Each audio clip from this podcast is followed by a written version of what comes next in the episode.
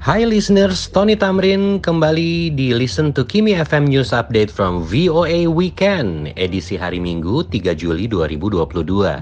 Akan ada beberapa berita terhangat dari mancanegara seperti warga muslim di Bosnia yang berangkap ke Mekah tahun ini untuk menunaikan ibadah haji.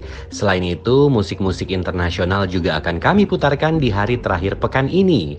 Dan berikut Informasi selengkapnya di Listen to Kimi FM News Update from VOA Weekend dari studio di Amerika Serikat, Washington DC. VOA Washington siaran akhir pekan dari ibu kota Amerika, Washington DC.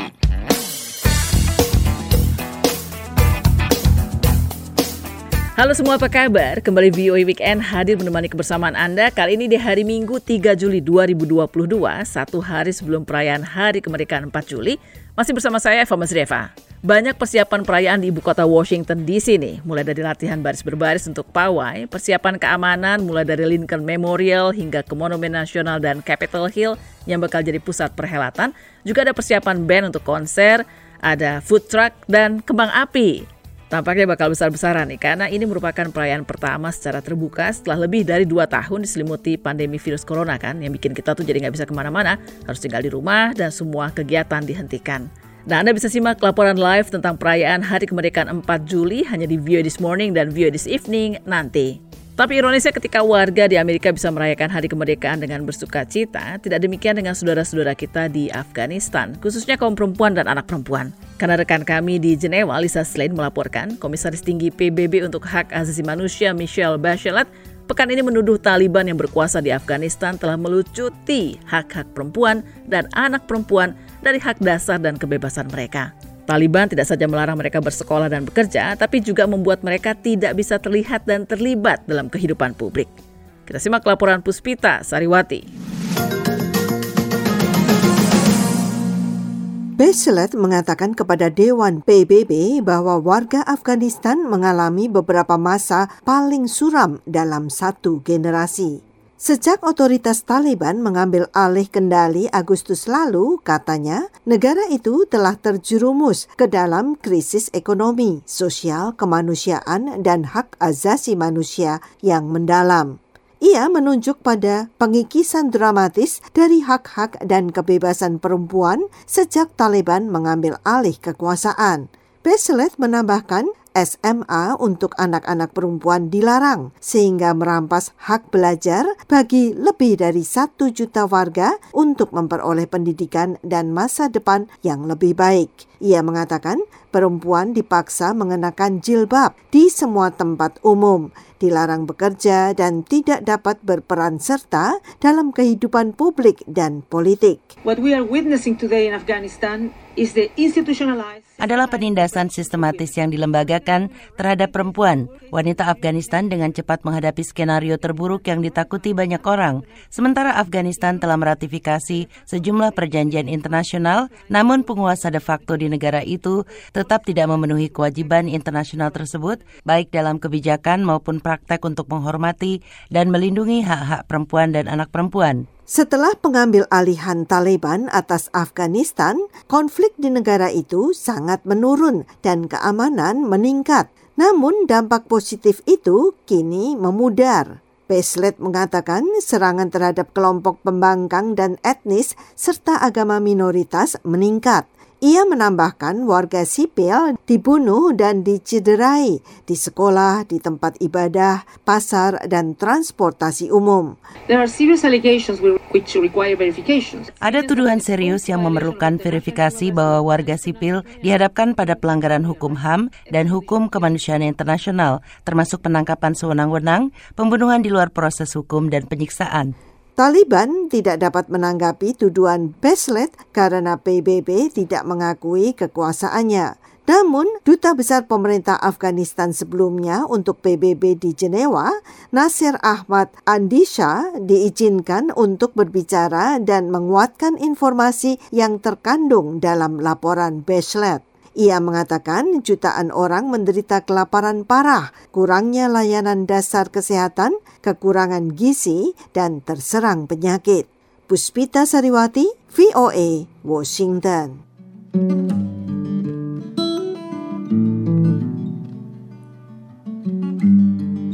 My lungs are black, my heart is pure. My hands are scarred from nights before. My hair is thin and falling out of all the wrong places. I am a little insecure. My eyes are crossed, but they're still blue. I bite my nails and tell the truth.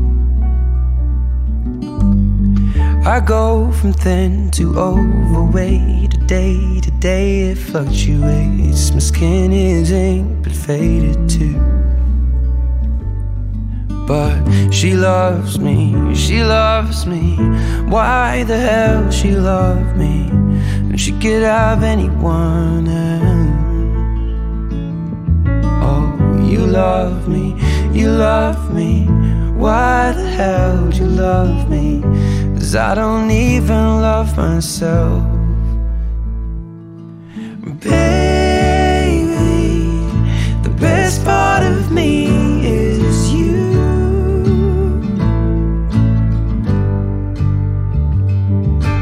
Lately, everything's making sense too. Oh, baby, I'm so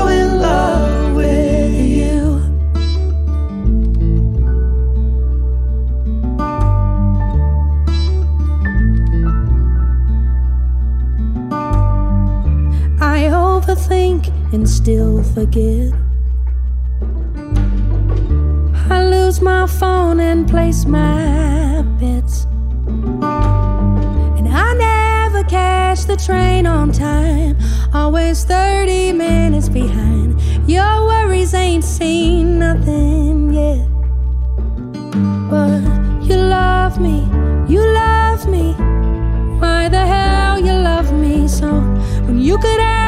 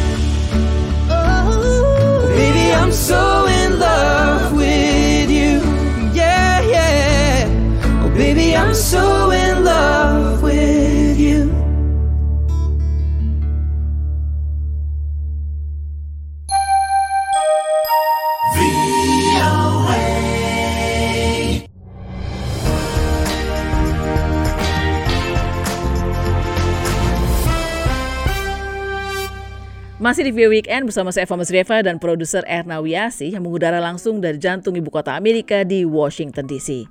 Berita kurang mengembirakan lainnya datang dari Ukraina. Sekolah nomor 66 yang menjadi kebanggaan kota Mariupol, Ukraina setelah direnovasi besar-besaran tahun 2018 berubah total pada Februari tahun ini. Semua jadi berantakan karena serangan Rusia ke negara itu. Kita simak laporan tim VOA. Sekolah nomor 66 di Mariupol, Ukraina terakhir dibuka untuk siswa pada 23 Februari 2022. Natalia Rovitska adalah kepala sekolah itu.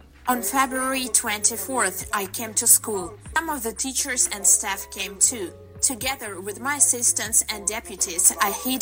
Tanggal documentation. 24 Februari, saya datang ke sekolah. Beberapa guru dan staf juga datang. Bersama asisten dan wakil saya, saya menyembunyikan semua dokumen, buku nilai, arsip pribadi, catatan pekerjaan. Kami menyembunyikan semua peralatan kami ke dalam brankas. Saya tutup semuanya, saya bersihkan semuanya. Saya bahkan membuat video pendek yang terakhir di sekolah. Natalia mengatakan ia melihat sekolah nomor 66 yang tenang, indah, menyenangkan, tetapi semua berubah setelah perang mulai berkobar. Segera setelah perang dimulai, Mariupol jelas tidak aman. Namun untuk beberapa waktu, Rovitska berhasil mampir ke sekolah itu untuk memastikan semuanya baik-baik saja. On March 10th, in late afternoon, parents who lived near the school came Tanggal 10 Maret sore, orang tua yang tinggal di dekat sekolah datang menemui saya. Mereka mengatakan jangan pergi ke sekolah lagi. Mereka menunjukkan gambar-gambar. Tidak ada gedung sekolah. Sebuah rudal menghantam gedung sekolah. Sekolah dihancurkan. Gempuran terhadap Mariupol semakin intensif. Rovitska bersama suami dan anjingnya menghabiskan waktu berhari-hari di ruang bawah tanah dan kemudian terpaksa meninggalkan rumah mereka. We barely packed. My husband and I had all the documents with us. We Kami hampir tidak berkemas. Suami saya dan saya membawa semua dokumen bersama kami. Kami hanya mengambil dua bantal, selimut, panci berisi makanan, kentang, dan sebotol air dari tempat penampungan. Dan kami pergi. Ketika telah merasa aman, Rovitska segera mendapat tawaran pekerjaan di Warsawa. Sebuah yayasan bernama Unbreakable Ukraine membuka sekolah Ukraina pertama di sana dan membutuhkan seorang kepala sekolah. Kembali Natalia Rovitska. That school had 13 children from Mariupol. Sekolah itu memiliki 13 anak dari Mariupol. Tiga dari mereka berasal dari sekolah lama saya. Kini para siswa dari sekolah nomor 66 tersebar di seluruh dunia. Beberapa masih tinggal di Mariupol, tapi Rovitska tetap berhubungan dengan sebagian besar mereka. Perayaan pada hari terakhir bagi para siswa yang berhasil menyelesaikan studi mereka berlangsung secara daring. Ketika Natalia berbicara dengan para orang tua dan anak-anak, dia mengatakan, Our dear graduates, our beloved parents and Para wisudawan tercinta, orang tua dan guru tercinta, selamat untuk kalian semua. Terlepas dari perang, para guru terus mempersiapkan lulusan untuk ujian masuk universitas. Hal itu dilakukan untuk memastikan para siswa memahami bahwa kehidupan tetap harus terus berjalan. Dari VOA Washington DC, saya Leonard Triono. You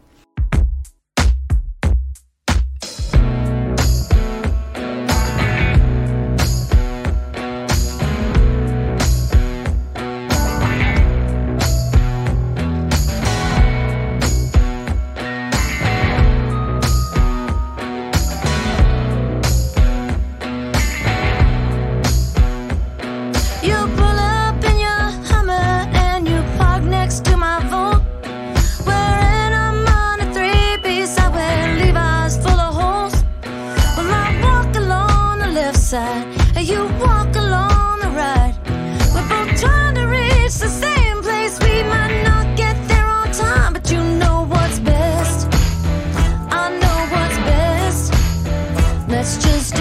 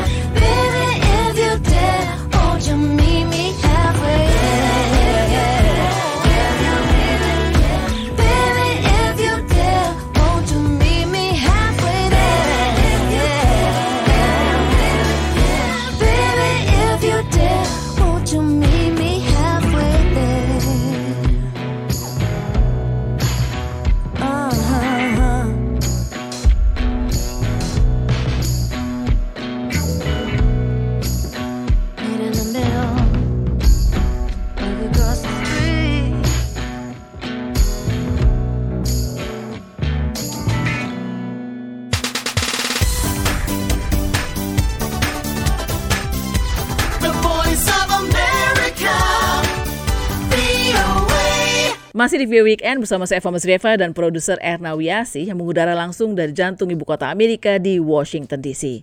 Eh, menyinggung soal Ukraina, saya sebagai orang Indonesia bangga loh lihat Pak Jokowi dan Ibu Negara Iriana pekan ini datang langsung ke Ukraina untuk menyampaikan pesan perdamaian dan bahkan mengirim sedikit bantuan ya untuk warga yang terdampak serangan Rusia di sana.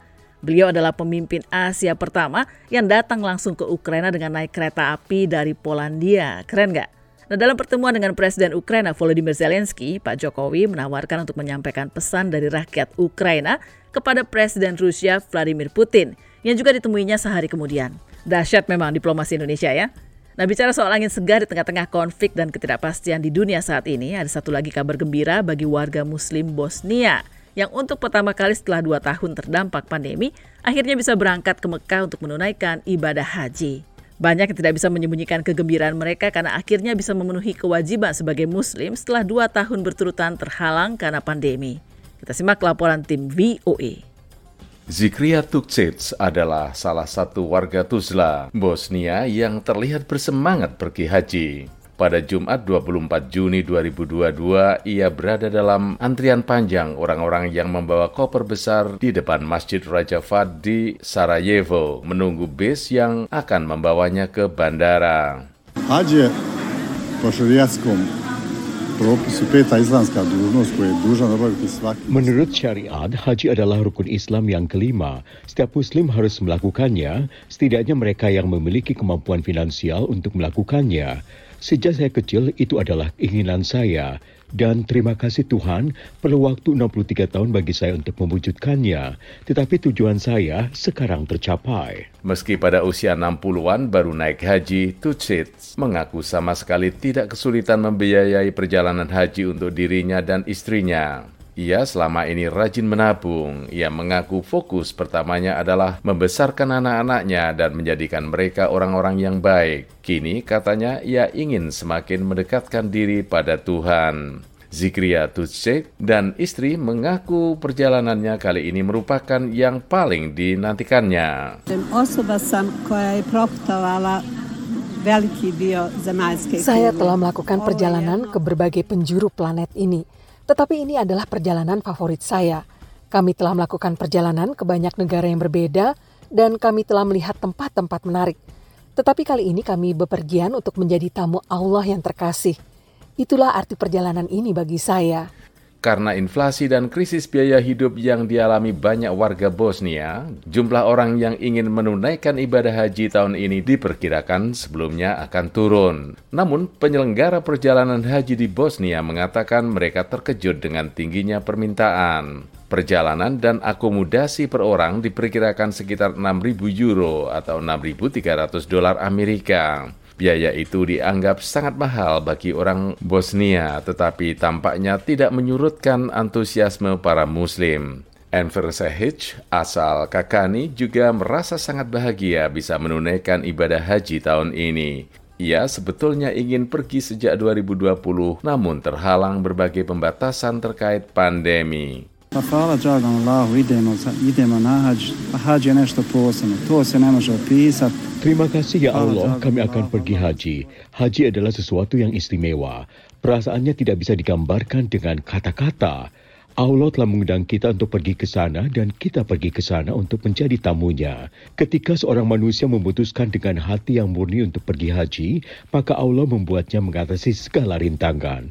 Allah menyediakan segala sarana untuk itu. Tahun ini, pemerintah Saudi telah mengumumkan membatasi jumlah pengunjung ke kota suci Mekah hanya satu juta, sehingga menjadikan perjalanan itu lebih istimewa bagi mereka yang menganggapnya sebagai perjalanan seumur hidup. Enam penerbangan telah disewa untuk membawa warga Bosnia ke Mekah untuk melakukan perjalanan haji. Rangkaian kegiatannya sendiri baru secara resmi dimulai pada tanggal 7 Juli mendatang. Untuk Arif Budiman, Leonard Triono, VOA. Simak VOA Weekend setiap Sabtu dan Minggu di radio afiliasi VOA di seluruh Indonesia. Ikuti juga perkembangan berita terkini lewat situs kami di www.voaindonesia.com. Untuk Anda penggemar podcast, jangan ketinggalan untuk follow berbagai podcast produksi VOA Indonesia di platform streaming kesayangan Anda. Ada VOA This Morning, In Case You Missed It, Kudos, dan BTS Gedung Putih.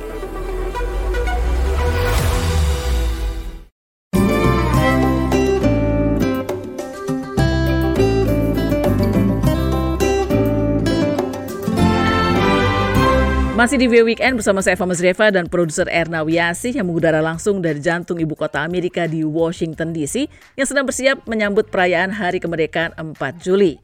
Nah di penghujung VOA Weekend masih ada satu laporan inspiratif dari Huntsville, Alabama, di mana musisi Brent Morgan hidup dengan bekerja dalam bidang yang ia sukai meskipun gak selamanya berjalan mulus. Berikut laporannya. All because I care too much. Khayalan seorang musisi umumnya adalah pindah ke Nashville, masuk ke rumah produksi musik, duduk di lobi, melantunkan lagu yang menarik. Produser musik tertarik pada lagu dan suara, sehingga si musisi langsung dikontrak. Itu pula yang katanya dilakukan Taylor Swift sebelum menjadi musisi ternama. Dia dan ayahnya pergi setiap minggu ke rumah-rumah produksi musik. It's just not true. Moving to Nashville just triples your cost of living and you Itu play persepsi yang tidak benar. Pindah ke Nashville membutuhkan biaya tiga kali lipat untuk biaya hidup. Musisi itu akan tampil di bar di pusat kota dengan mendapat bayaran hanya dari tip. Saya sering manggung di bar. Afraid my paper skin has started wearing thin.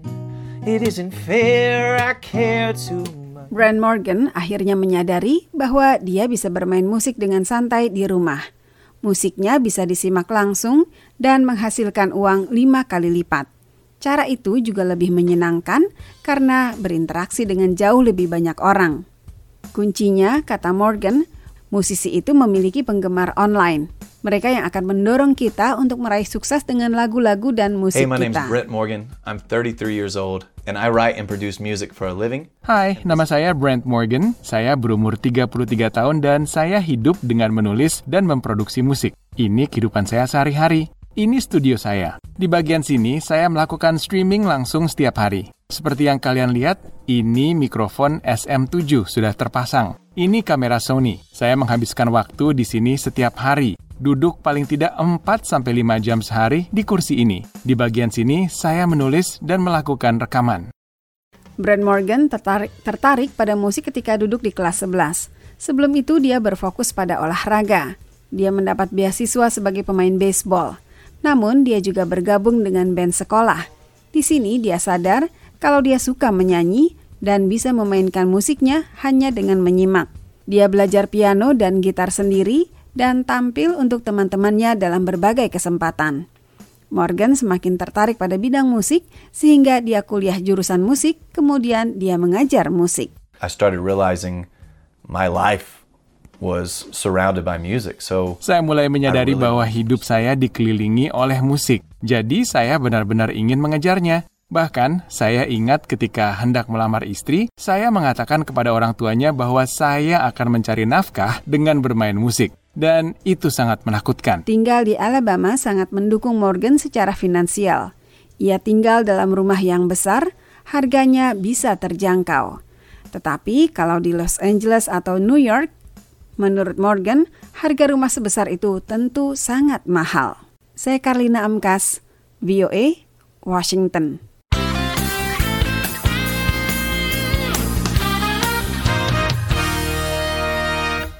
Baiklah pendengar, demikian via Weekend kita kali ini. Minggu depan kami masih akan hadir dengan berbagai laporan seru lainnya.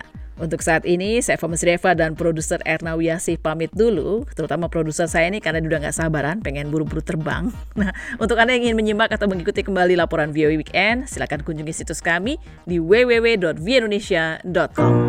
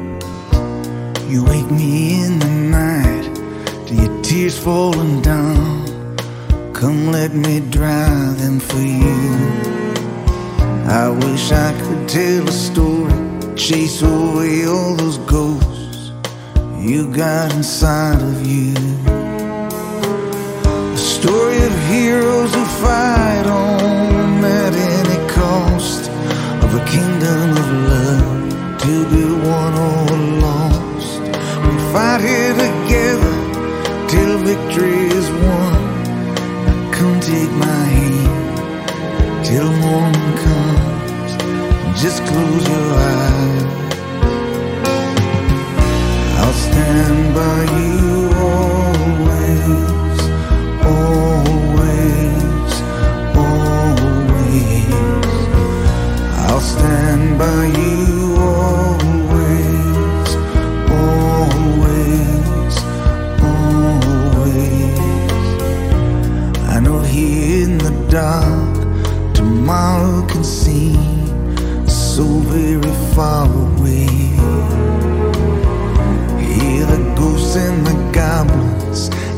rise from your dreams to steal your heart away. Together we'll chase those